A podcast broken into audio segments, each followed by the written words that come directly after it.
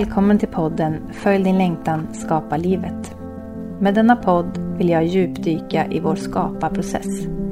Hur vi skapar våra liv med lätthet genom att lyssna på vår inre äkta längtan. Att gå från ord till handling, även om man känner rädsla. Jag kommer bjuda in olika personer som älskar att vara i skapandet. Och de kommer få dela med sig av sina nycklar i att vara i flow och inspirera dig att ta dina egna modiga kliv i din längtans riktning och bli en superstjärna i att skapa ditt liv. Jag heter Nina Thorén, är konstnär och bor på Österlen. Välkommen till min podd.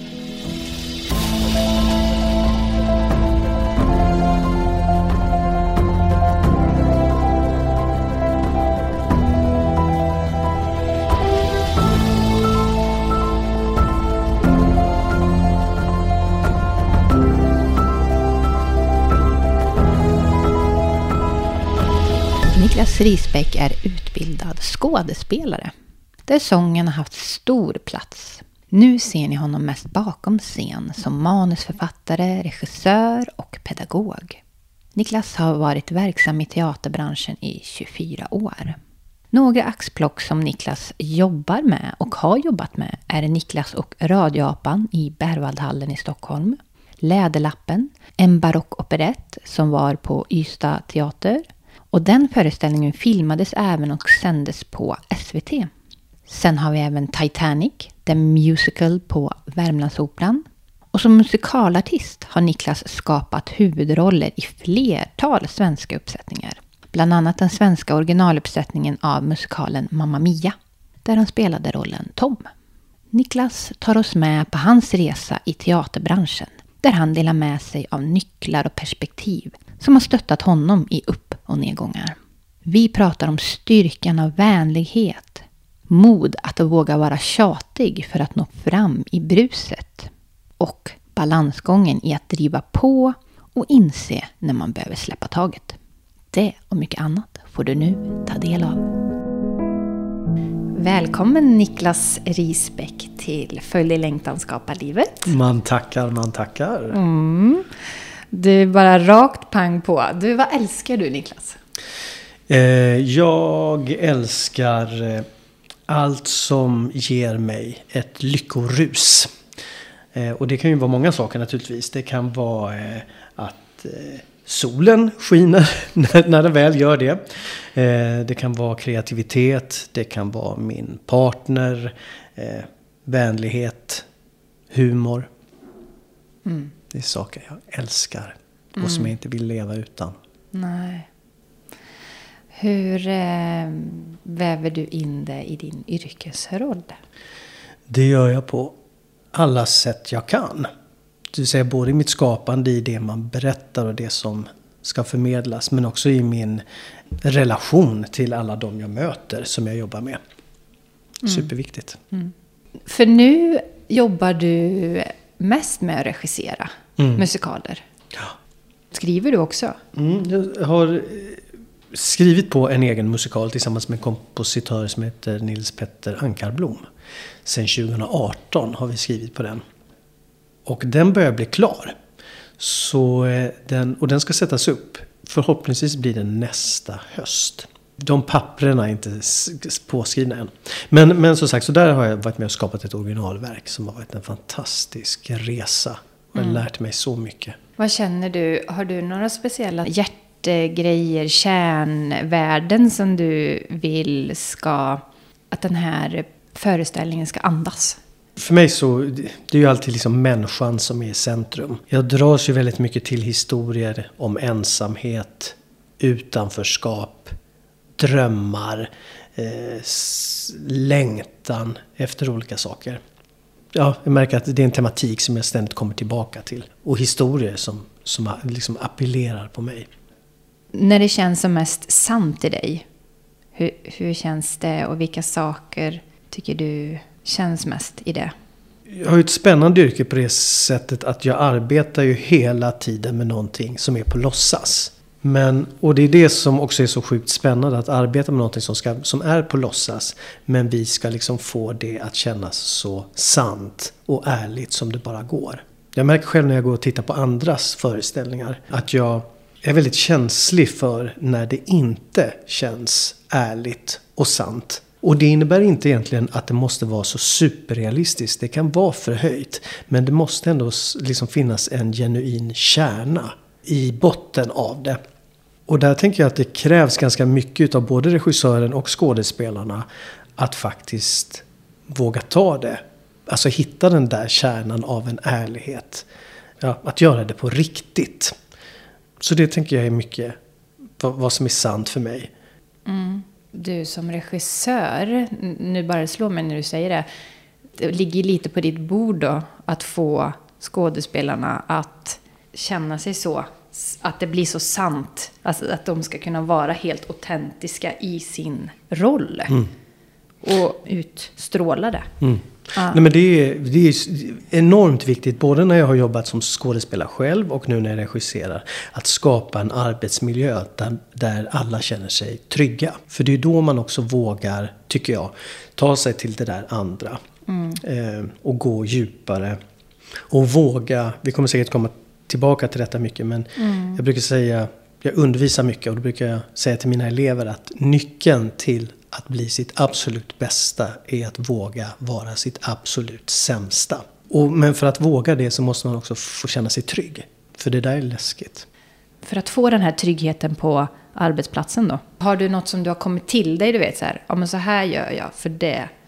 Det här känns som att jag får med det kanske är olika för olika personer mm. kanske, men... Jo, men eh, dels är det väldigt mycket hur jag beter mig. Mm. Eh, men till exempel som jag gjorde en stor musikaluppsättning av en musikal som är baserad på historien om Titanic i höstas eh, på Värmland Opera. Och då på första dagen när alla var samlade så tog jag upp och pratade med alla om det arbetsklimat som jag eh, ville att vi alla skulle sträva för att liksom uppnå.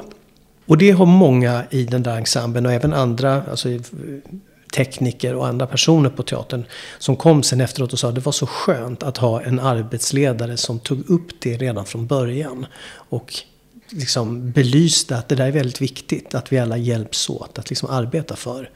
Så det tänker jag ska bli min grej. Att jag mm. alltid ska liksom vara noga med att framföra det. Ja. Och att vi ska tänka på det ja. tillsammans. Ja, att du, precis att du uttrycker det väldigt att du målar upp det väldigt tydligt för alla. Mm. Hur du vill att samarbetet och hur de, hur de ska släppa på så mycket som möjligt. Mm. Mm. Och respekt gentemot mm. varann. Mm. Eh, att komma till mig som regissör ifall det uppstår konflikter mm. med en gång. Så att vi kan lösa det. På teater och säkert på alla arbetsplatser så blir det väldigt lätt massa prat runt omkring och tissel och tassel. Och det är oundvikligt, det vet jag.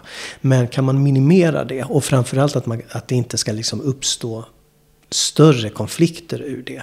Eh, så ja, för mig är det väldigt viktigt att försöka förhindra det så fort som möjligt. Ta tag i känslorna med en gång. Mm.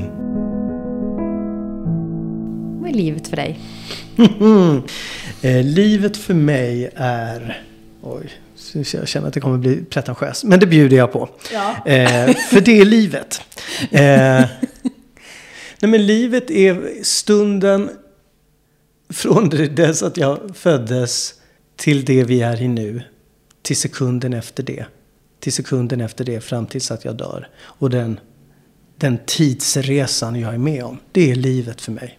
Och ibland måste jag påminna mig om att och det låter ju också kanske dumt, men jag måste påminna mig själv om att det kommer ta slut.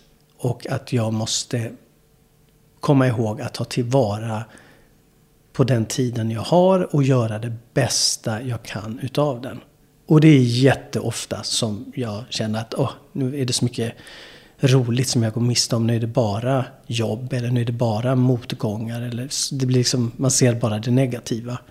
Men, eh, men jag försöker vara duktig på att så här, mm unna mig saker som, jag, som gör mig glad. Ja, nej men jag, jag håller med. Alltså jag älskar ju när man har läst typ en bok eller man har hört ett samtal med någon som faktiskt snart ska dö. Det är liksom närvarande, så påtagligt. Så att då är det som att, okej, okay, det blir så klart för vad är det som är viktigt här. Mm. Man blir, behöver påminna sig om döden, som du säger. Mm. För att vara levande. Ja. Nej men faktiskt. Och det är ju, det är ju hemskt. Ja, men, jättehemskt, men, men- så, så är det. Ja.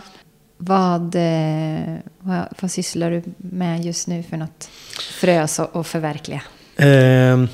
Ja, men dels nu, men det är ju redan ett frö som vi satt i jord och som redan är iväg och växer. Jag är på Stockholms stadsteater och är barnansvarig för de barn som ska vara med i musikalen Matilda till hösten. Och sen kommer de spela hela nästa vår också.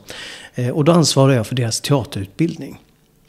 Eh, ett jätteroligt jobb att få möta de här barnen och på tal om att skapa en trygg arbetsmiljö för dem. Eh, där de ska få växa och utvecklas. Så det gör jag just nu och sen i höst när vi börjar repetera så är jag regiassistent till Bengt Rydman som regisserar och koreograferar. Och sen efter premiär så ska jag få stanna och vara med under hela spelperioden. Eh, och då blir jag biträdande regissör heter det då. Eh, så det är jag med på varje föreställning och ser till så att allting flyter på så som det ska. Mm.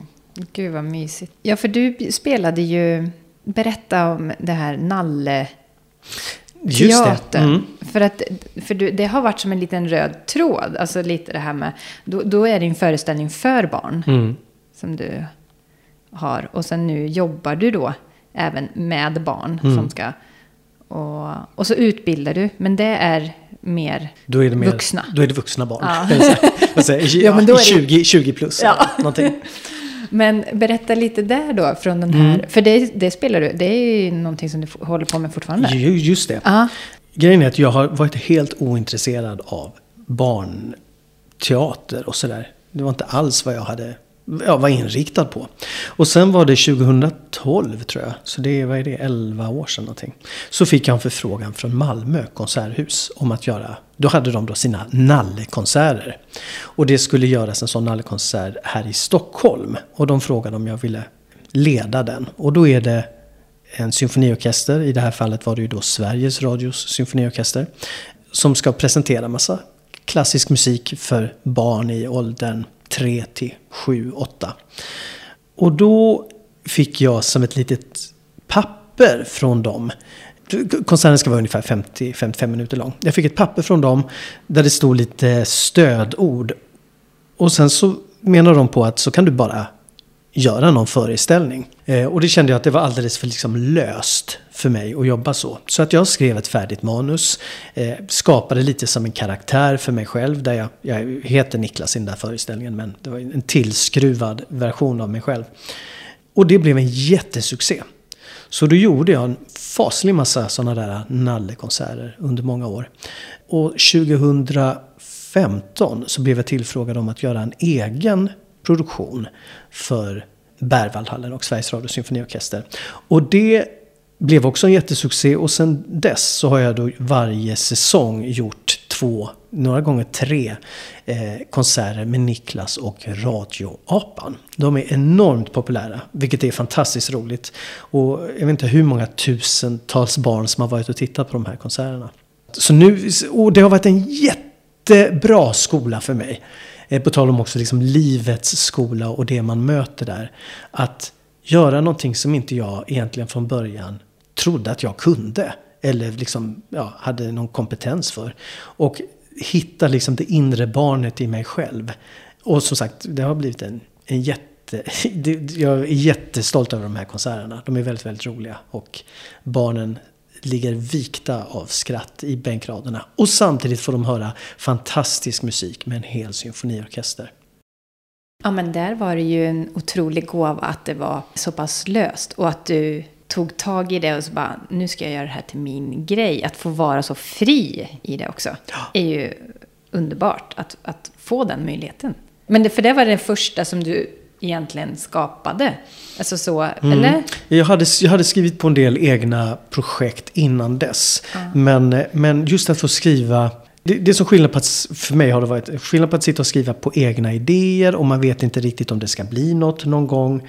Kontra att om några månader så ska det vara premiär på det här. Och sen efter det så ska, är det några månader till och sen ska det vara en ny premiär. Och att, eh, att spotta ur sig saker sådär på, med, en, med en speciell liksom, tidsfrist har varit en jättenyttig skola.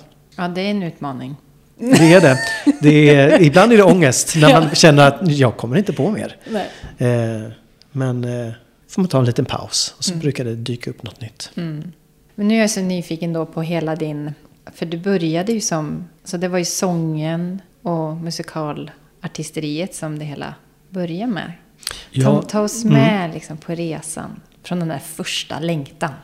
Mm. Håll i dig Nina. Nu, oj, oj, oj. Och kära lyssnare. Ja. Nu, blir det, eh, nu blir det åktur.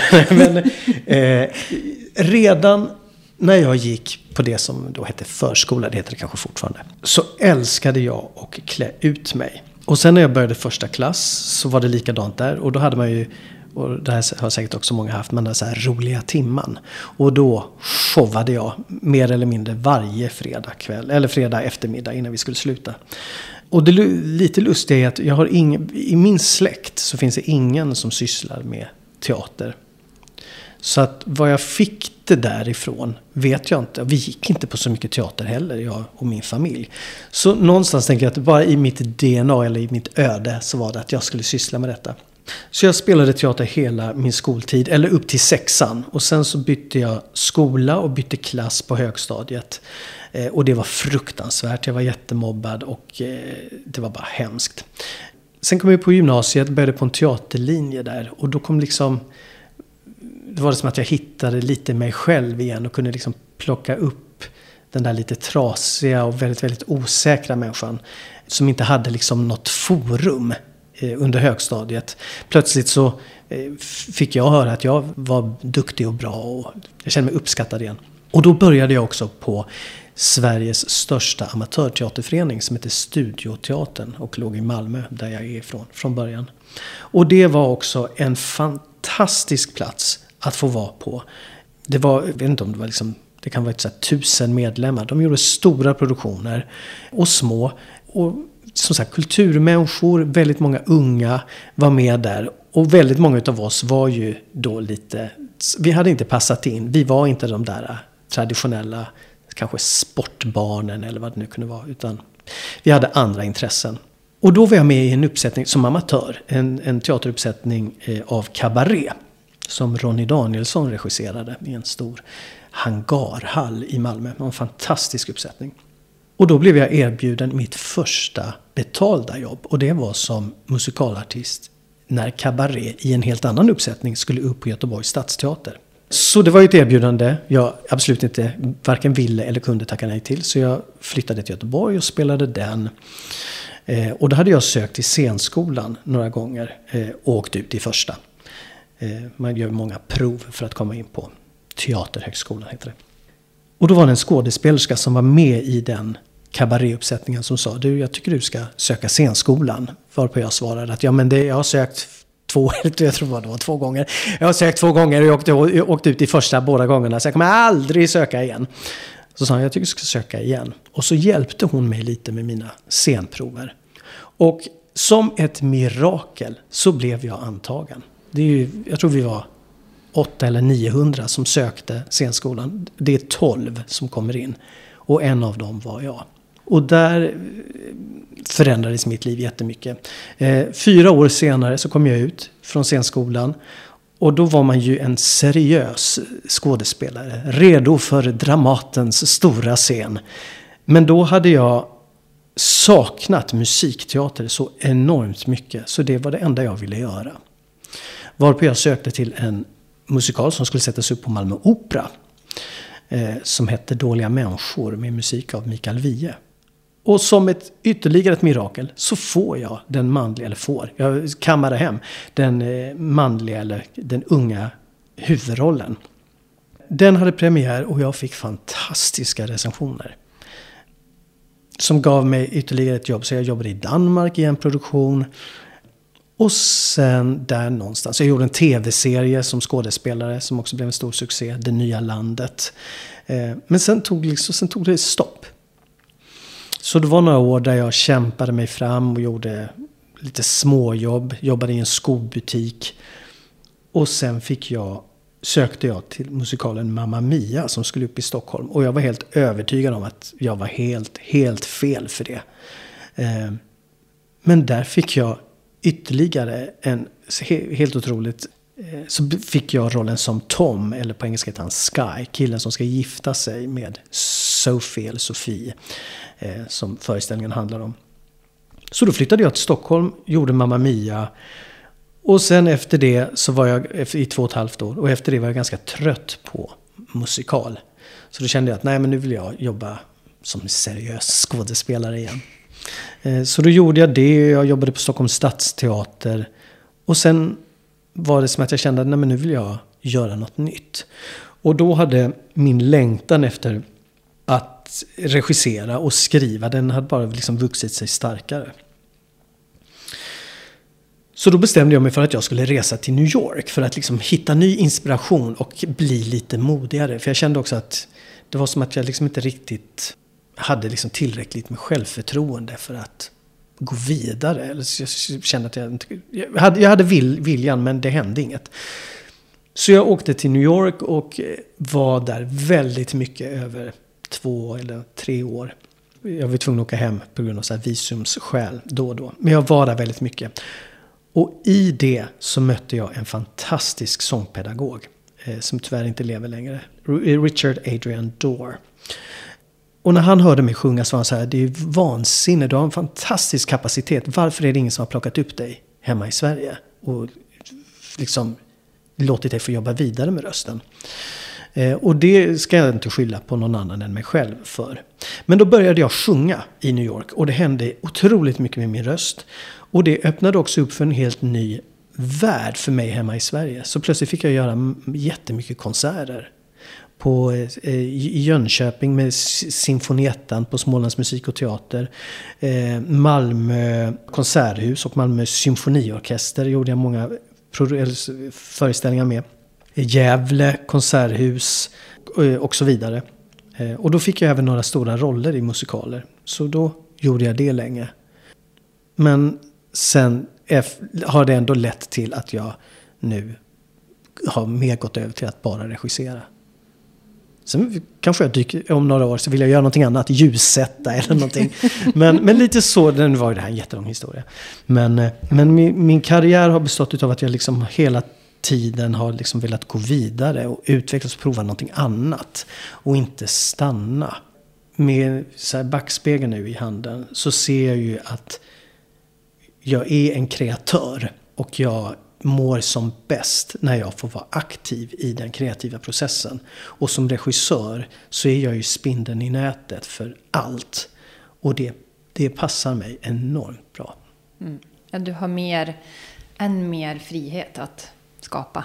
När jag lyssnar på det här så ser jag också vilken, vilka otroliga gåvor det kan vara att just träffa rätt människor som finns där och bara så här, ser en och småguida lite. För de två som träffade dig då, mm. det var ju hon som hjälpte dig in i scenskolan och han sångpedagogen. Sångpedagogen, ja, precis. Att de ser dig och de, det de gör tycker de själva säkert inte är så mycket för de bara vill ge. Men, men det är så otroligt mm. vad det kan... Så här, små justeringar, bara tjing, klart. Alltså, men ja. visst, det är mycket... Det är såklart att det är en massa jobb. Men jag tänker ofta på det där, det är bara som när jag gick hit idag. Nu valde jag ju alla de här, nu blev det de här gatorna jag gick hit. Om jag skulle, det skulle kommit ett lejon springande så hade jag tvingats ta en annan väg. Och det där är också, tänker jag, livet. Att det är ju, det är ju den vägen man, man går. Och den för en dit man blir förd. I den stunden eller den dagen eller så. Eh, möjligheterna är ju också oändliga. För vad som kan hända en i ens liv. Och att det är så mycket då slump eh, och tur och liksom ögonblick som formar ens liv och som ibland för en åt helt rätt håll eller åt helt fel håll. Mm. Också den här gåvan att ta tillvara på de där tillfällena. Mm. Att se dem.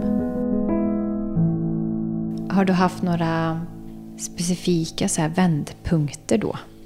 Eh, än mer? Du har ju nämnt lite då, men mm. något annat sådär som har påverkat dig? När jag var liten hade jag hjärtfel. Eh, och fick en pacemaker och sådär. Och det tänker jag påverkade mig väldigt mycket som barn.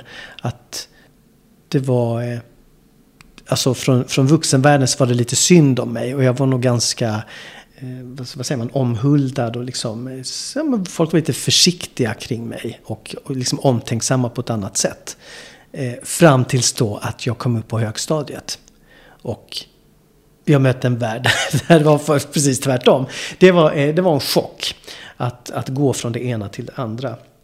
Så ibland tänker jag på det här, bara undra, undra vad... Som sagt, man kan aldrig leva om sitt liv. Men jag kan bli, jag kan bli nyfiken på vad mitt liv... Hur, hur jag hade formats som person om jag inte hade haft den där högstadieperioden. Eh, for good or bad, ska jag säga. För att, som sagt, det finns inget ont som inte för gott med sig. Den där känslan utav att, vara, att inte vara omtyckt. Jag tror att det kanske bara spädde på mitt, upp, vet du, mitt behov efter att vara, känna mig omtyckt och eh, sedd och uppskattad. Eh, att, att få känna så starkt att folk, folk tycker, tycker inte alls om mig. Eh, det väckte nog kanske en, en starkare glöd i mig av att, att liksom kämpa. Sen, sen har jag nu på senare tid, alltså, så jobbar jag mycket mer med att bara att, att, att inte söka andras bekräftelse utan att göra saker för min skull. Och, mm. och hitta, hitta mitt lugn och mitt, vad ska jag säga, ja, men mitt värde. Det, det tycker jag faktiskt att jag har hittat. Mitt värde utifrån mig själv.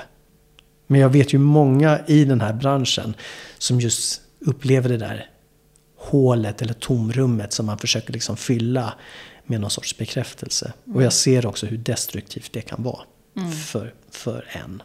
Eh, men det skulle jag säga, lite så här så från min barndom. Och sen så tycker jag också, alltså eh, varje gång jag har tagit klivet över till någonting annat, alltså att gå från då att vara utbildad scen eller teaterhögskoleskådespelare till att få syssla med musikteater. Till att skriva, till att regissera. Att ta de kliven har varit, eh, det har varit svårt och läskigt. Och det är det ju fortfarande. Men, men jag har ändå gjort det. Och det har gjort att jag har växt väldigt mycket. Mm. Som människa. Och som vad ska jag säga, konstnär. Det är ju det som egentligen definierar mod, tycker jag. Mm. Att göra någonting även om man är... Även om det är läskigt. Om det känns osäkert. Och, och, lev, alltså, och lita på sin tillit till att nej, men jag vill göra det här så mycket så jag hittar vägarna medan jag går. Det, mm. det löser sig liksom. Ja. Mm. Och, och, jag tänker om man bara gör det först och främst för sin egen skull. Jag vill testa det här. Jag vill se om jag kan hoppa fem meter på första försöket, jag vet inte. Eh, så va, prova. Och så inser du att men gud, jag hoppar ju bara en meter.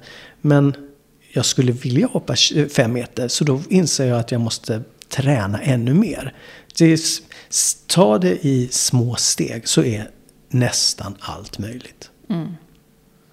När du upplever då de här hindren, så här, när du ska ändra om, nu byter jag riktning och så kommer det lite hinder, som, som du sa, det här försöka och dela upp det, ta små steg. Har det kommit till dig några andra små härliga knep, eller som du har kommit underfund med, ja men så här löste jag ju det faktiskt. Mm. Det är så olika. För ibland så går saker ganska lätt. Alltså, sen kan det ligga jättemycket arbete bakom det. Men det, det, liksom, man får, ja, det, det går lätt. Eh, många saker faller på plats fort. Ibland tar det jättelång tid. Och då gäller det att bara stå ut. Och ibland har jag haft idéer som jag har släppt och bara känt att det här blir det ingenting av. Och sen fem eller tio år senare, nu kanske jag överdriver lite, men i alla fall eh, eh några år senare så har jag insett att bara, men vänta nu, nu dök det upp någonting där jag kan använda mig utav det. Hindren kan liksom vara olika långa och olika höga. Och ibland så tänker jag också när någonting är för komplicerat. Till exempel ibland då när jag suttit med så här manusen till Niklas och radioapan. Där jag har suttit i månader och inte fått ihop någonting bra. Då har jag också känt att nej, men då är det någonting i den här idén som inte är redo nu. Och då har jag släppt det och börjat om från början. Då gör jag någonting annat. Så kanske den där idén som jag hade från början, att jag, jag då en tid senare kommer på att bara, nej, men, ah, nu vet jag vad det ska handla om eller hur jag ska lösa det där. Man måste fråga sig också var, alltså, vad är hindret? Och är det någonting jag kan påverka? Eller är det inte det? Och kan jag påverka det, då kan man ju jobba för det Och kan man inte det så släpp det. Sikta mot någonting annat. För det, det går alltid att göra saker och ting på ett annat sätt. Eh, man ska bara vara öppen för att bara, aha, jag får göra det på det här sättet istället. Mm. Ja, nej men det är lite sammanfattningsvis då egentligen att eh, rida med, stå ut eller släppa. Mm. Så liksom klarnar det. Ja. Mm. Och det var någon terapeut någon gång som sa till mig att bara, hon bara, Niklas, när det inte är, när, om det bara är jobbigt, för då satt jag väl och beklagade mig över någonting. Som om det bara är jobbigt, är det värt att hålla på? Alltså när är det då dags att bara släppa det? För att bara, det ska ju ändå finnas någon lust kvar väl? Och det hade hon så rätt i. Och där försöker jag också ibland att bara, nej men släpp det, du tycker inte det är roligt. Sen finns det naturligtvis stunder där saker och ting inte är roliga, så får man bara, det ska man också ta sig igenom. Men eh, jag tror ni förstår vad jag menar. Ja, när, när man kämpar för någonting som kanske som bara blir för mycket ansträngningsfullt mm. för länge. Ja. ja. Det ska liksom inte äta upp en så Nej. att man ligger och har ångest i Nej veckor, Nej. månader, år. Det är inget bra. Nej, då frågar sig, okej, okay, vart, vart, vart, vart, är min lust just nu? Mm. Och så gå och göra det istället. Och skapa någonting annat. Mm. Ja. Om du tittar liksom på din, hela din resa, vad tycker du har varit mest utmanande? Vad har liksom krävts mest mod? Att för mig så har det varit att våga göra min röst hörd. Att, och det kan, det kan ha varit allt från att våga gå fram till en teaterchef på en premiär och bara säga hej, det är jag som har mejlat dig 70 gånger, du har inte svarat. Eh, för mig så krävs det mycket mod, för det tycker jag är enormt jobbigt. Att liksom ligga på och det som jag upplever som att jag liksom tjatar. Och jag vet att vi är jättemånga som gör det. Så där gäller det också att inte tänka för mycket. Men eh, jag tänker ifall det är någonting liksom mer i mig själv. Så, ja, vi är alla olika som personer. Jag, jag är en sån där person som, som vill vissa saker så enormt starkt. Eh, jag kan ha en jätte... Det är som en, eh, ja, en enorm längtan efter någonting. Jag kan ha en... Ja, till exempel som musikalen Titanic som jag fick göra på Värmland Opera. Den ville jag så fruktansvärt gärna göra. Och jag var så förälskad i materialet. Och jag såg framför mig hur, hur jag ville iscensätta den. Och det är ju modigt att liksom någonstans också gå till en teater och, och våga säga det. Att våga säga det som man verkligen, verkligen vill. Och som man brinner för. Sen behöver inte de lyssna eller bry sig om det för det. Det behöver inte bli en produktion. Men i det här fallet blev det det. Men eh, Jo, och kanske sen när jag väl hade fått jobbet och vi skulle börja till exempel första repetitionsdagen. Då kommer ju den här skräcken igen. Vad är det? Tänk om jag inte får till det där som jag nu har gått och liksom drömt om och föreställt mig i flera års tid. Tänk om det inte alls blir så som jag har tänkt mig. Tänk om vi alla bara kommer bråka, det kommer vara jättedålig stämning, det blir en jätteful produktion, allting blir liksom bajs. Men, och där krävs det ett enormt mod och en enorm tillit på att bara du kan det här. Och det kände jag väldigt tidigt när vi sen började repa att bara det här, det här kan du. Du vet vart det här ska. Så det är bara att köra nu. Eh, men det är läskigt att ansvara för en produktion med 22 artister, 30 musiker, hur många tekniker som helst och det är en mångmiljonbudget. Och så ska du försöka behålla den där kreatören samtidigt som du ska ta in mångas viljor. Mm. Eh, och sen men våga stå på dig på mm. vad det är du verkligen vad det är du ser som är så sjukt fantastiskt där inne. Mm. Och, och, lita på det. Och lita ja. på det, ja. Jag har jobbat med regissörer som har tvivlat ah. i sin, i, när vi har repeterat. Och det som skådespelare är ju för mig jättejobbigt. För då börjar det liksom gunga åt alla håll och kanter. Men känner man, ja men det är som typ, vi sitter, nu blir det en Titanic-referens. Men, men man behöver någonstans känna att det finns en kapten som bara, jag har koll på läget, alla tar det lugnt. Eh, det lugnar ju, eller det hjälper väldigt mycket när folk blir stressade. Mm. Än om kaptenen har hoppat, lämnat båten och simmat därifrån. Ja. Då blir det liksom bara kaos. Bara, nej men du, en, vi kanske kan gå den vägen. Eller, eller den vägen. Mm. Eller kanske den vägen. Mm, jo men precis. Jo, men, och så börjar liksom alla lägga sig, för alla vill vara lite kapten då. Kanske. Så att, eh, mm, nej men... Eh, Mod att leda. mod att leda. Bra. Leda. Efter denna långa utläggning. Mod att leda sig själv och andra. Mm.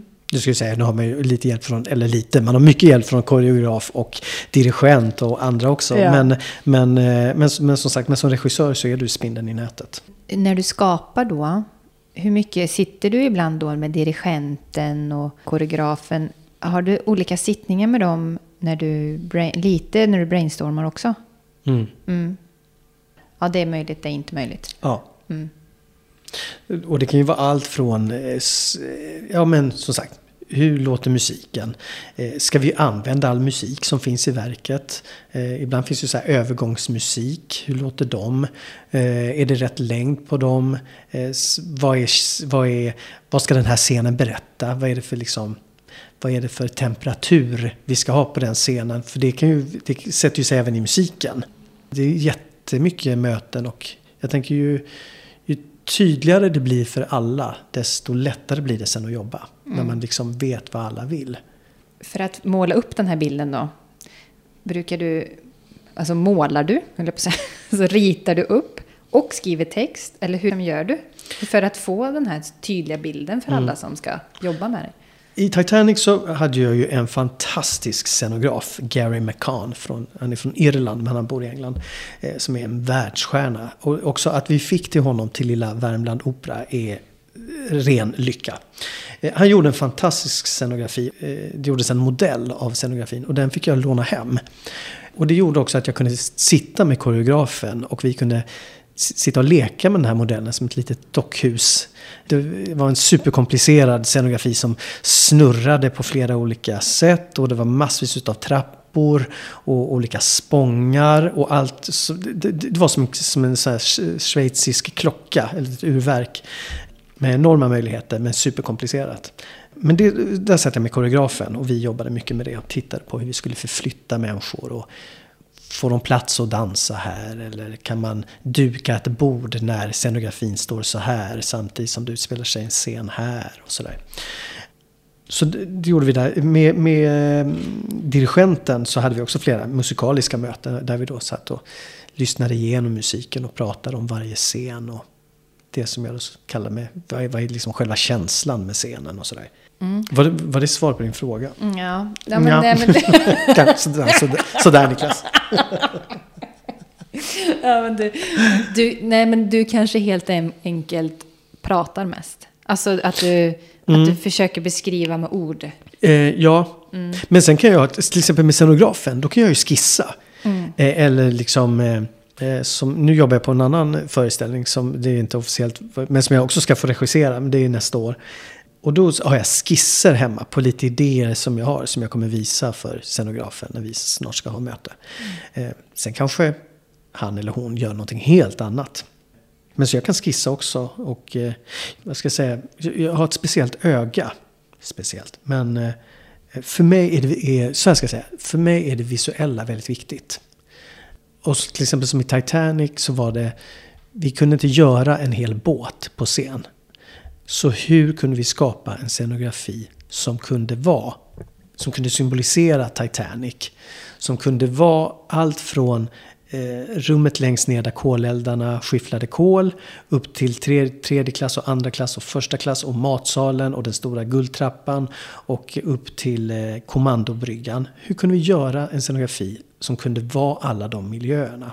Och hur skulle vi gestalta att skeppet sjönk? Och där var jag då väldigt delaktig i, i scenografin tills vi hittade rätt, tyckte både jag och Gary. Och likadant i kostymerna var det väldigt viktigt för mig att det var så autentiskt som möjligt. Jag ville inte ha någon modern twist. Eh, jag ville inte förlägga det i nutid eller någonting utan jag ville att det skulle kännas att det var 1912. Så även om inte jag skissar och ritar det så är det liksom det visuella är väldigt viktigt för mig. Mm. Ja, den skulle man ju ha sett. Mm. Ja. Det var sinnessjukt bra. Säger jag min egen produktion. ja, men det, finns den så här inspelad? Den finns filmad, men eh, då är det ju... Jag, jag har inte fått den kopian än. Men, eh, Ja, det blir inte samma känsla, men det är Nej. ändå... Ja. men eh, fantastiskt. Vi hade över 100% beläggning. Och förra året efter pandemi och sådär så var, det, var vi oerhört stolta över att vara en av de få teatrar i Sverige som hade så hög beläggning. Och, men det tänker jag, dels är det ju naturligtvis historien om Titanic som är fascinerande för jättemånga människor. Men det var också en väldigt lyckad eh, produktion. Där så många, det är så, vi är så många som är, det är så många parametrar, det är så många olika saker som ska gå ihop. Där i princip allting föll på plats väldigt fint. Vi är ett fantastisk ensemble och en visuell upplevelse. Och en, liksom en fantastisk musikal. Ja, wow. Nu har vi kommit in Mm. lite på din skaparprocess här. Mm, mm.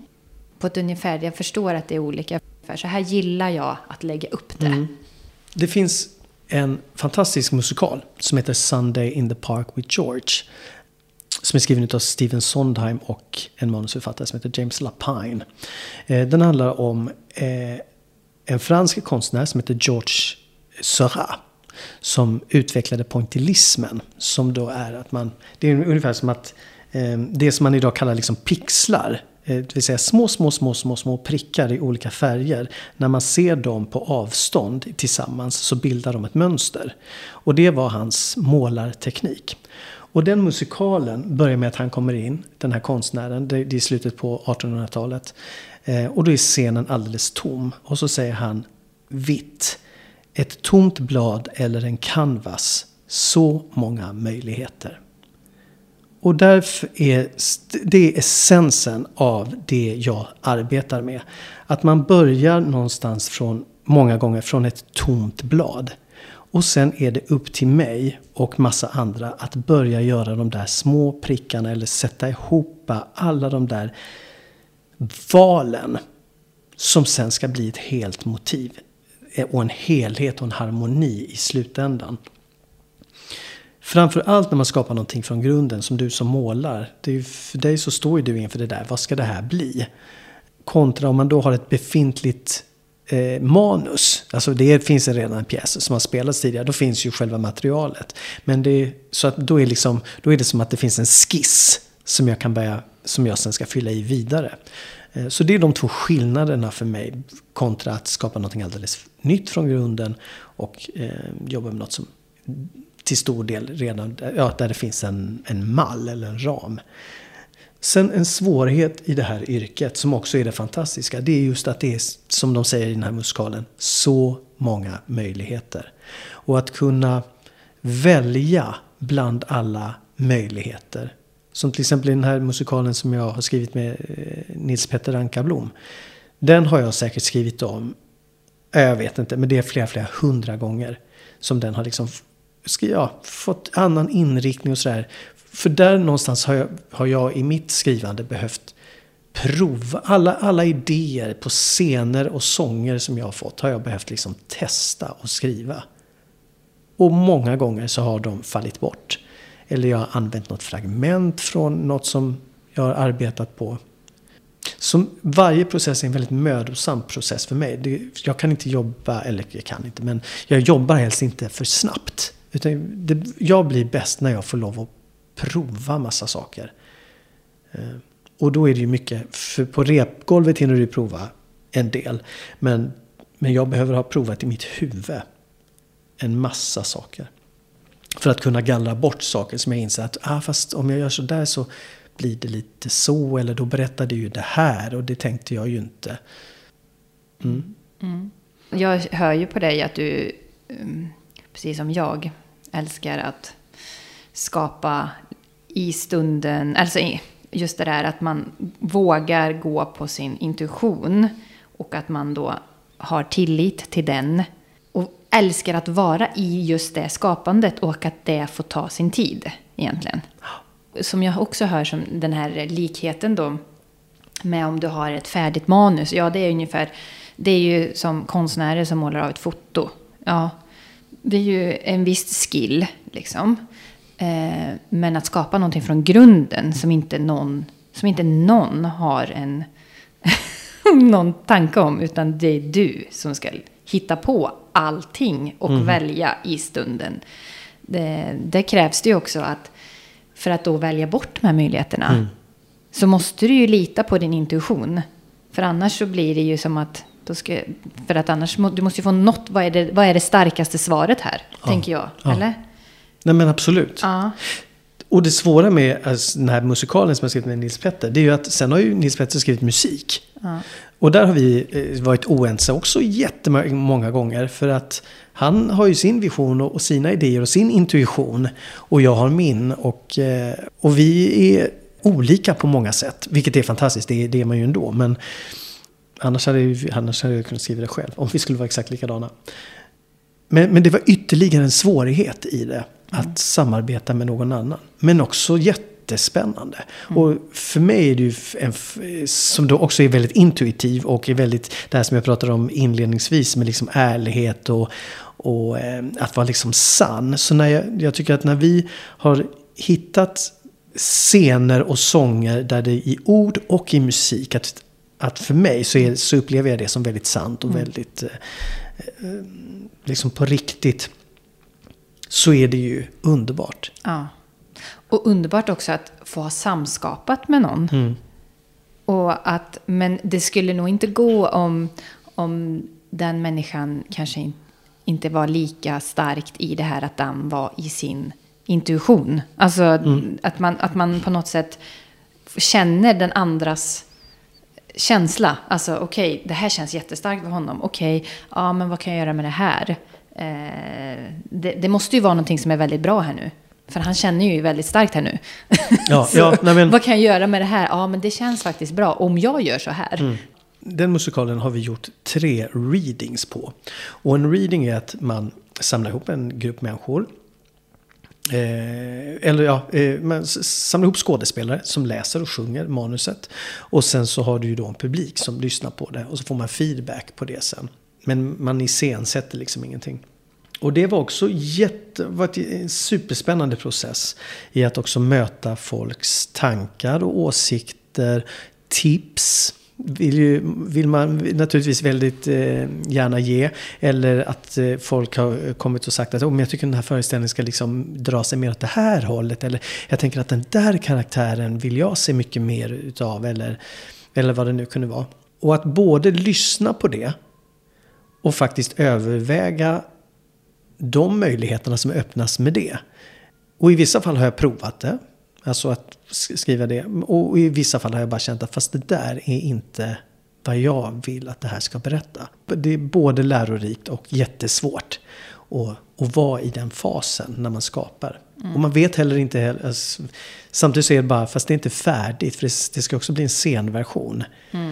Eh, och jag säger alltid det att det tillkommer så mycket när man kliver upp i ett scenrum med rekvisita och skådespelare som gör saker. Där berättas också jättemycket som kanske inte står Nej. i bara texten.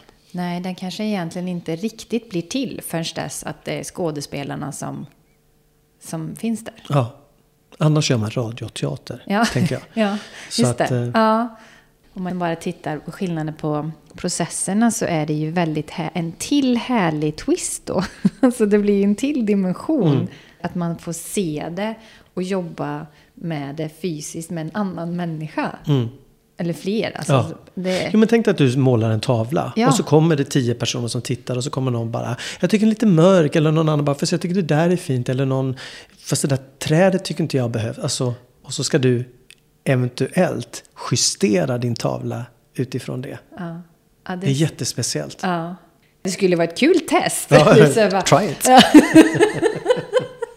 kanske, ska, kanske ska prova det ibland med vissa tavlor. Så här, ta in bara, okej, tar jag in tio personer. Så kan du få säga vad du tycker och så testar jag de idéerna. Så bara, mm, ja, det blev nog bra. Ja, men varför inte? Det är jättekul. ja. Du saknar inte sången då? Eller du sjunger kanske ändå, men... Eh, Jag sjunger inte så mycket, ja, jag sjunger lite hemma. Jag kan sakna sången lite grann. Jag saknar inte så mycket att stå på scen. Nej. Eh, Och framförallt att gå och göra en föreställning kväll efter kväll efter kväll. Där är inte jag Det är inte jag så sugen på just nu. Och det kanske kommer tillbaka. Det är någonting när man sjunger. Det är någonting med de där vibrationerna som kommer ut. Och liksom som är i hela kroppen och den andningen. Och att få liksom... Man, då är vi ju människan ett musikinstrument. Och att få vara det är, kan vara fantastiskt. Eh, en fantastisk känsla att vara i. Det kan jag sakna lite grann. Men får jag också bara vara kring musik, som till exempel när vi arbetade med Titanic. Så att bara få höra de där sångerna som vi hade, sjunga musiken som jag älskar att lyssna på och sen när också en orkester på 30 man kom och spelade det. Jag hade kunnat se den, vår föreställning varenda dag. För, det var, för, för att jag tycker så mycket om verket. Har du någon del i processen som du trivs allra bäst i? Och varför tror du det? Eh, jag ska säga att varje process har sin tjusning. Men när allting börjar bli liksom mer på riktigt, det vill säga när alla scenerierna börjar liksom bli klara, vi får vara i scenografin, skådespelarna får på sig kostymerna, ljuset är på och allting liksom börjar komma, alltså alla de här olika elementen börjar liksom sättas samman. Det är magiskt. Och eh, så underbart att få se liksom växa fram. Men sen kan det också vara helt underbart att få vara med, jobba med en liten intim scen någon eftermiddag eller kväll. Och det som uppstår i rummet är någonting helt fantastiskt. Ibland kan man också känna att det här som uppstod nu kommer vi aldrig kunna fånga igen. Eh, för att det liksom kan vara så eh, levande och delikat och precis i den stunden. Och som sagt, ibland är det bara det där som man på film kan se fångat. Som man bara, herregud så bra det är. Men det är för att man också lyckats, de hade kanske inte kunnat spela det där kväll efter kväll. I hundra föreställningar och i precis samma liksom. Samma essens. Nej. Nej. Så att, men när man, får, när man upplever det så är det ju underbart. Och det är ju det som man också ibland, när jag går på teater så är det så där sinnessjukt bra. Som jag bara häpnar. Det är sällan jag är med om det. Jag ser mycket teater. Men när det sker så det är då jag känner bara jag, jag älskar det här yrket. Och det är de här liksom, små stunderna som, som gör det värt det. Men, men tyvärr är de, är de lite få.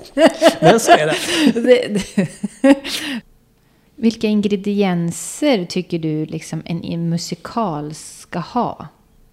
Och när du skapar dem själv, när, när känns de att de andas Niklas Risbäck? Mm, jag är väldigt förtjust i eh, teater där, som blir spännande. Jag glömmer bort att titta på oh, hur, hur har de hängt de där lamporna eller ja, nu kom de in där, har de löst så där. När det är när historien och gestaltandet får mig att glömma att jag är på teater och jag bara sugs in i en historia.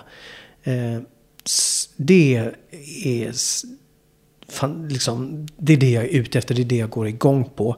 Och jag vill bli, så, som sagt, det behöver vara spännande. Det behöver vara intressant.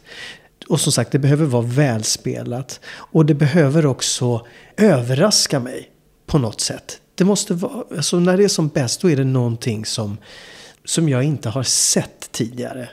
Och där tycker jag musikal har jättemycket kvar att utforska vidare. Jag tycker att den kan vara, det finns absolut utrymme för andra typer av verk.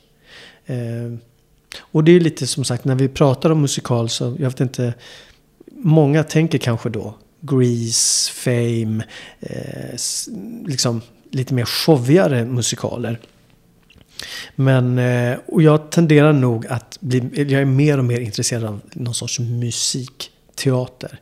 Jag kan uppskatta en en föreställning med mycket dans och sådär om det är fantastisk koreografi. Och det finns några sådana verk. Jag är ingen dansare själv, jag har inga danskunskaper. Skulle jag göra en sån föreställning så hade jag varit enormt beroende av att hitta en riktigt bra koreograf. Och en riktigt bra koreograf utifrån min smak naturligtvis.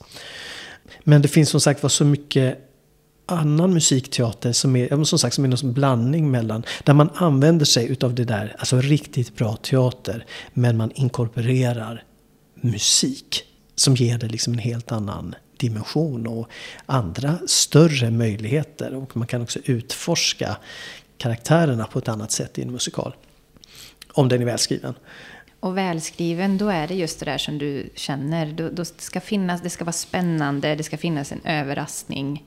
Eh, Ja. Och storyn ska vara fängslande. Ja. Jag, är inte, jag går inte och ser sådär jättemånga musikaler med pojke vill bli kär i flicka och så är det typ det. Det, det är inte vad som appellerar på mig. Jag vill ha, jag vill ha något annat. Eller jag vill ha mer. Men eh, jag, jag, har, eh, jag har beställt två pjäser från England som faktiskt kom igår. Eh, som är så här musik, mer musikdramatik. Men det är pjäser där de sjunger. Men jag skulle inte kalla det musikal. Så musikdramatik. Nu hann jag läsa dem igår. Och det är två, alltså jag är jätteförtjust i dem. Jag känner också till eh, delvis, eh, det ena verkets musik känner jag till. Den andra har jag bara hört två låtar från tror jag. Så att jag har inte hört all musiken därifrån. Men det är två verk som jag blev jättesugen Alltså de skulle jag jättegärna vilja regissera i Sverige. Och jag tror att många hade blivit sådär, oj, kan det vara, kan det, vara det här också? För mig som då, som inte lever och andas i det varje dag, så, så var det nytt. Så det är kul att veta. Vilka av dina urkrafter är du mest tacksam för? Min envishet. Min humor. Min musikalitet. Min kreativitet. Fick jag säga flera? Oh ja, jag sa, jag sa urkrafter. Ja, toppen. Jag älskar det. Jag bara känner så här. Niklas, det, det räcker. eh, och min omtanke för faktiskt människor runt omkring mig. Det är, det är omöjligt att gå igenom livet och vara bästis och bundis med alla. Men jag försöker i möjligaste mån vara en liksom, snäll person. Jag mår själv väldigt bra utav när det liksom är ett, när, ja, ett behagligt klimat. Jag tycker inte om konflikter. Sen vet jag, sen, sen är jag hyfsat bra på att ta dem när de kommer. Men eh, nej, att, vi ska må bra, det känner jag att vi, vi behöver mer av det. Jag tänker också att vänlighet är också ett så bra sätt att nå andra människor. Ja. Kontra att vara liksom defensiv och lite svår och till, alltså, nej, det är, inte, det är inte trevligt. Sluta vara det, människor. Ja, Ja, nej, men så här, var, var lite snäll så skulle du se att folk mår mycket bättre runt omkring dig. Ja. Vad inspireras du av? Men då är det nog tillbaka till det som jag också sa innan. Jag inspireras av sånt där som överraskar mig. Och där det jag möter, det kan ju vara en maträtt eller eh, en person eller en plats eller en teaterföreställning eller vad som helst. Men som öppnar upp någonting nytt för mig. Där jag blir så här, men gud det här, det här blir jag jättenyfiken på. Det här låter ju jättespännande. Eller det här visste jag inte ens om att det fanns. Eller kan det smaka så? Eller kan man eh, göra en sån där kullerbytta? Det här har jag aldrig sett tidigare. Det tycker jag är, det är enormt inspirerande. Ja, det utvecklar ju sin egen kreativitet. Ja. Och där är också vikten av att också hå- hålla sig själv öppen. Nu har det varit pandemi och allt det där, det vet vi ju. Men eh, jag har rest jättemycket och nu har det tacklat av, vilket jag känner av. För jag, jag känner att det där vanliga, den vanliga inspirationen som jag brukade få av att röra mig mycket och se mycket eh, har liksom lite... Ja, jag har fått hitta andra sätt för det hemma. Men, men jag saknar att vara ute och röra på mig och upptäcka nya saker. Vad förundras du av? Vad känns allra mest i dig? Musik och det, den kraft som, som musik har, det är någonting som jag förundras mycket över. Eh, det är också för jag, jag, jag- kan inte musik själv. Alltså på det sättet, jag, kan, jag läser inte noter, jag kan inte spela något instrument. Men, eh, men jag älskar musik. Så det, det är någonting som jag önskar att jag, att jag kunde mer om. Jag både förstår det och inte förstår det på en och samma gång. Då kanske längtan finns att du ska utveckla mer kunskap kring att skapa musik själv, typ? Eller, eller, är det, eller du... Kanske, jag har försökt lära mig läsa noter. Det gick jättedåligt. Eh, jag tror det var oerhört svårt. Jag hade också väldigt svårt för att lära mig läsa som ung. Jag, jag tror inte jag har någon diagnos, men, men det, det tog lång tid. Men jag har inga problem med att skriva och läsa idag. Men, eh, men jag tänker att det är någonting där med inlärningen av system och hur det funkar. Och som är, Tråkar ut den? Ja, min hjärna är liksom inte, det är inte den bästa ihopparningen. De är inte helt kompatibla. Men tror du att det kan vara så att vissa människor, för jag var också sån, jag spelade piano när jag var ung. Och jag hade jättesvårt att lära mig noter. Så att min pianolärare spelade för mig Mm. låten. Sen gick jag hem och så, så satt jag och, så jag gick ju bara på mitt gehör. Ja. Så då tog jag ju ut låten som, ja, så spelade hon, sen kom det den och sen, och sen så när jag kom tillbaka så spelade jag den. Mhm. Och det, det gick ju ganska länge men till slut så kom hon ju på mig. Typiskt. Hon bara okej, men ja, du kanske ska bli dirigent istället. Ja, ja. mig. En del människor kanske bara har svårt för det. ja. Det bara slog mig nu när, när du sa det. Att, eh, Jag tänker också att det är ju det där, det är ju precis som ett språk. Eller så här, man måste ju bara sitta och nöta och nöta och nöta. Och fortsätta göra det. Eh, och jag orkade väl typ ett år. Sen kände jag bara, nej men usch, jag vet inte. Och, eh, och sen gick det tid, lite allt möjligt. Och sen så, så känns det som att jag var tvungen att börja, börja om. Men jag har en sån här typ, lär dig läsa musik eller nå- jag kommer inte ihåg vad den heter, Stora musikboken eller någonting hemma. Och eh, varenda gång jag ser den så får jag lite dåligt samvete och tänker att jag kanske borde sätta mig med den där och ta fram den där keyboarden som jag köpte, som jag har ställt upp på vinden och börja igen. Men jag är inte där än. Nej. För dig då som har jobbat med musik och du inte kan noter, då, gör du, då lär du dig också då bara på gehör. Mm. När, någon, när någon spelar och du sjunger. Alltså, ja. Mm. Nej men jag bluffade mig igenom min karriär.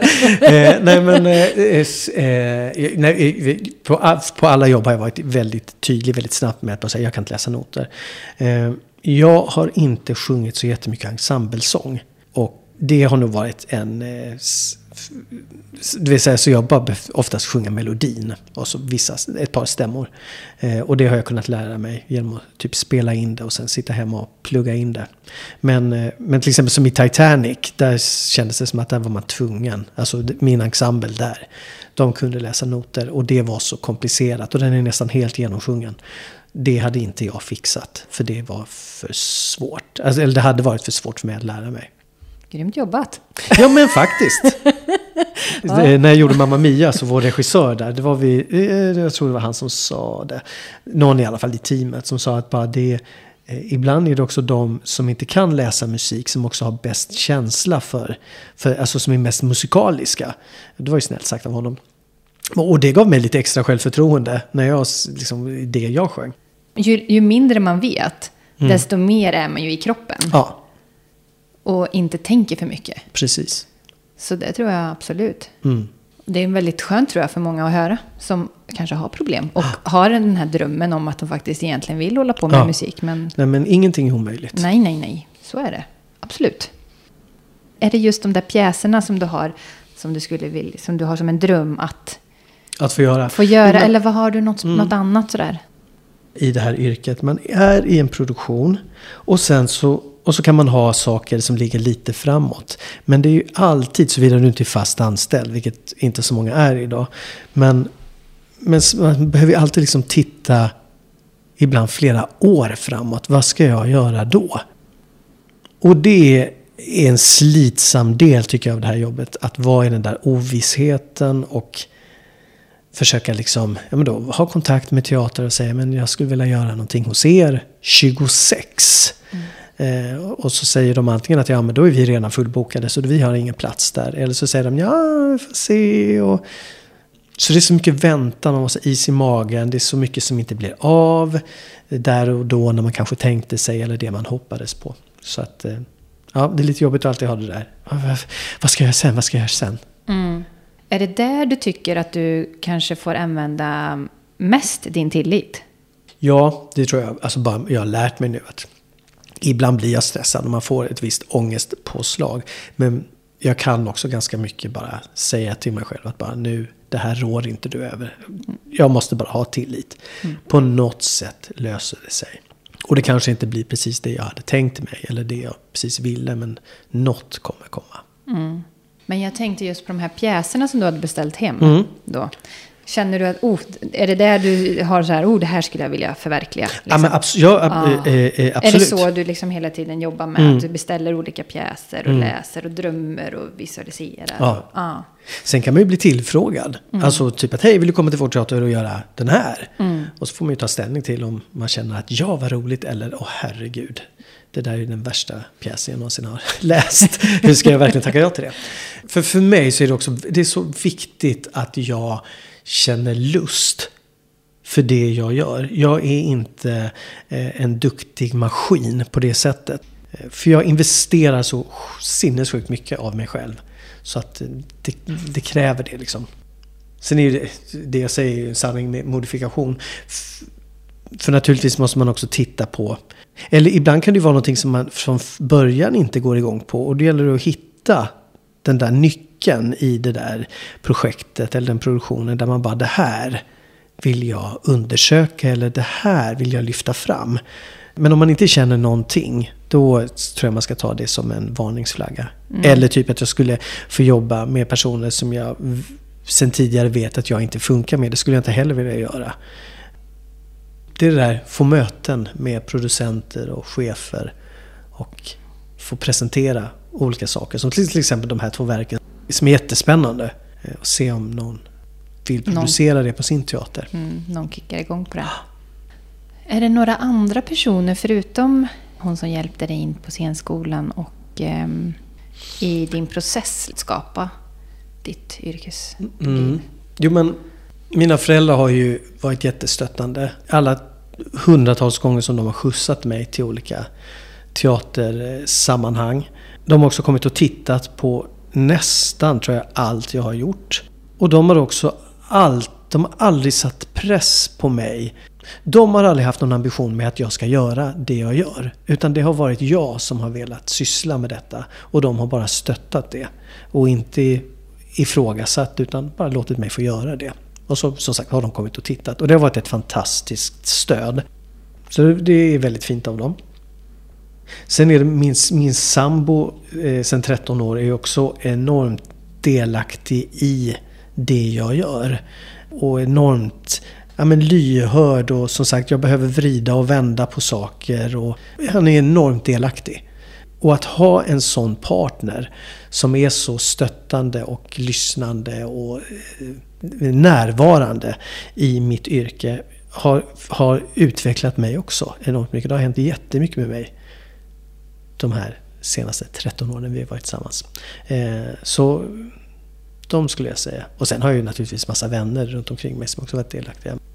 När man är en kreativ själ så är det ju så pockar det ju på ganska starkt ibland och man behöver ventilera saker och då är det ju enormt skönt att, då, att mm. den man lever ihop med kan finnas till där när man ska ja, i alla sina olika brottningsmatcher med sin hjärna och sina känslor och allting. Ja. ja.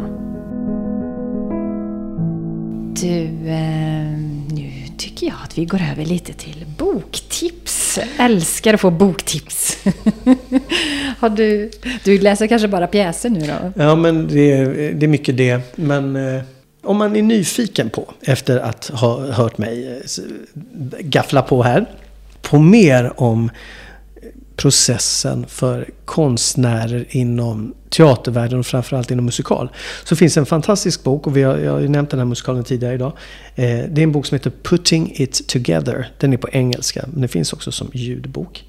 Putting It Together av James Lapine. Och den handlar om till upplevelsen av den här musikalen Sunday in the Park with George. Som handlar om konstnären George Seurat. Eh, det är en fantastisk bok. Den kom ut för kanske två, tre år sedan.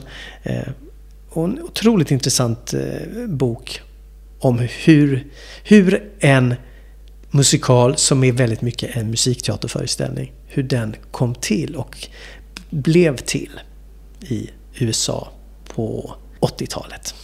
Kul! Mm. Och eh, filmtips? Jag är ju väldigt förtjust i skräckfilmer. Jag sa ju också tidigare att jag gillar sånt som är spännande. Och som sagt, skräck dras jag till. Men det är också väldigt sällan som jag tycker att det är bra.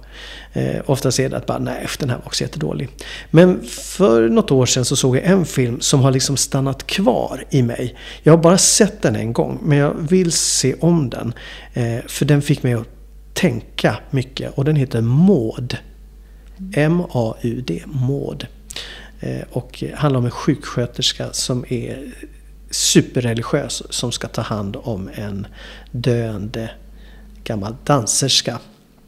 Och den här sjuksköterskan tror sig, och det är det som är liksom eh, twisten med filmen. Hon tror att hon står i kontakt med Gud. Oerhört bra film. Det kan jag rekommendera. Vad lyssnar du på just nu? Just nu lyssnar jag på en på tal om att bli överraskad. Ah. En amerikansk countrysångare eh, som heter Orville Peck. Som jag bara upptäckte för någon vecka sedan. Hans senaste skiva är så sjukt bra.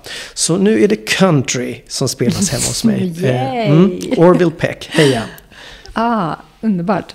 Och har du några platser som är väldigt speciella för dig? Mm, här i Stockholm så är det Reimersholme för att det är i närheten av där jag bor. Dit året runt går jag på mina promenader. Sen älskar jag Gotland. Och det är också så en, en ö som jag upptäckte för några år sedan. Den dagen jag blir, blir rik, rikare, så, ska jag, så skulle jag vilja köpa ett hus där. Jag älskar Gotland, framförallt uppe mot Bungenäs och eh, Fårö och där. Helt fantastiskt. Sen älskar jag New York. Det är många, många, det är många år sedan jag var där nu tyvärr. Men som sagt, jag var där jättemycket ett tag. Eh, och sen blev Trump president och sen blev kronan inte värd någonting. Och det blev pandemi. Så eh, det, det är säkert åtta år sedan jag var där sist. Men dit skulle jag väldigt gärna åka tillbaka. Eh, men då måste kronan bli starkare. Och jag längtar tillbaka, jag har bara varit där en gång, men jag längtar tillbaka till Bangkok. Jag var där kort då förra gången och enda gången jag var där. Och, och då blev jag så här, den här staden skulle jag vilja undersöka mer. Så att, eh, ja, det finns massa spännande platser. De väcker att du vill utforska det mer mm. egentligen. Mm. Om du fick säga någonting till dig själv som ung, vad skulle du vilja säga till honom som du vet idag och hade varit till hjälp då? Jag skulle nog säga, var inte rädd för det i dig som andra inte förstår. För det är det som gör dig unik. Och det kommer också bli din styrka. Eller det är din styrka. Så återigen, det är också en klyscha. Men våga vara dig själv.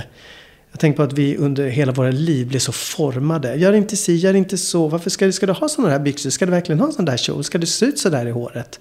Låt människor få utforska sig själva och sin egen potential istället för att försöka förminska dem. Och så, har ju, så här har det ju varit i alla år, men också i den tid vi lever nu. Där det finns krafter i vårt samhälle som återigen, liksom våra politiska krafter som vill begränsa oss och liksom gå tillbaka till något, jag vet inte vad. Nej, vi måste bekämpa det. Som sagt var, låt människor få utforska sin potential. Och så länge du inte gör någon annan människa skada, så gör det du vill. Har du några mer fina nycklar till våra lyssnare? Våga, vad är det värsta som kan hända? Jag är en ganska eh, organiserad människa. Och någon gång, ett par gånger i mitt liv så har jag behövt så sätta mig ner när jag själv tycker att jag har krisat. Eller, eller, eller liksom försökt, när jag har försökt hitta eh, vilken väg jag ska gå. Då har jag gjort som två papper. Ett med vad mina drömmar är, eller det jag har velat ha. Och så har jag gjort en lista med vad jag inte vill ha och vad det är som skrämmer mig. Och när jag bara väl har fått sitta en längre tid och i det här fallet då skriva ner det som är ett sätt egentligen som att bara sätta ord på det fast hur skriver ner det? Och jag har bara gjort det för min egen skull. Jag har inte tänkt att någon annan skulle få titta på det. Så jag har kunnat vara helt ärlig med mig själv. Då har det också för mig utkristalliserat sig en massa nya saker. Där jag också har sett att vissa mycket av mina rädslor är saker som jag faktiskt ganska enkelt kan bryta ner eller ta mig förbi eller liksom sudda ut från det pappret. Och som jag sa också inledningsvis, när saker känns väldigt svåra, ta en bit i taget. Och då tror jag att det går att ta sig fram till det mesta. Mm. Men, och våga. Mm. Och de nu som, vill, eh, som går där och längtar och vill jobba med det som du jobbar, hur ska de sätta igång?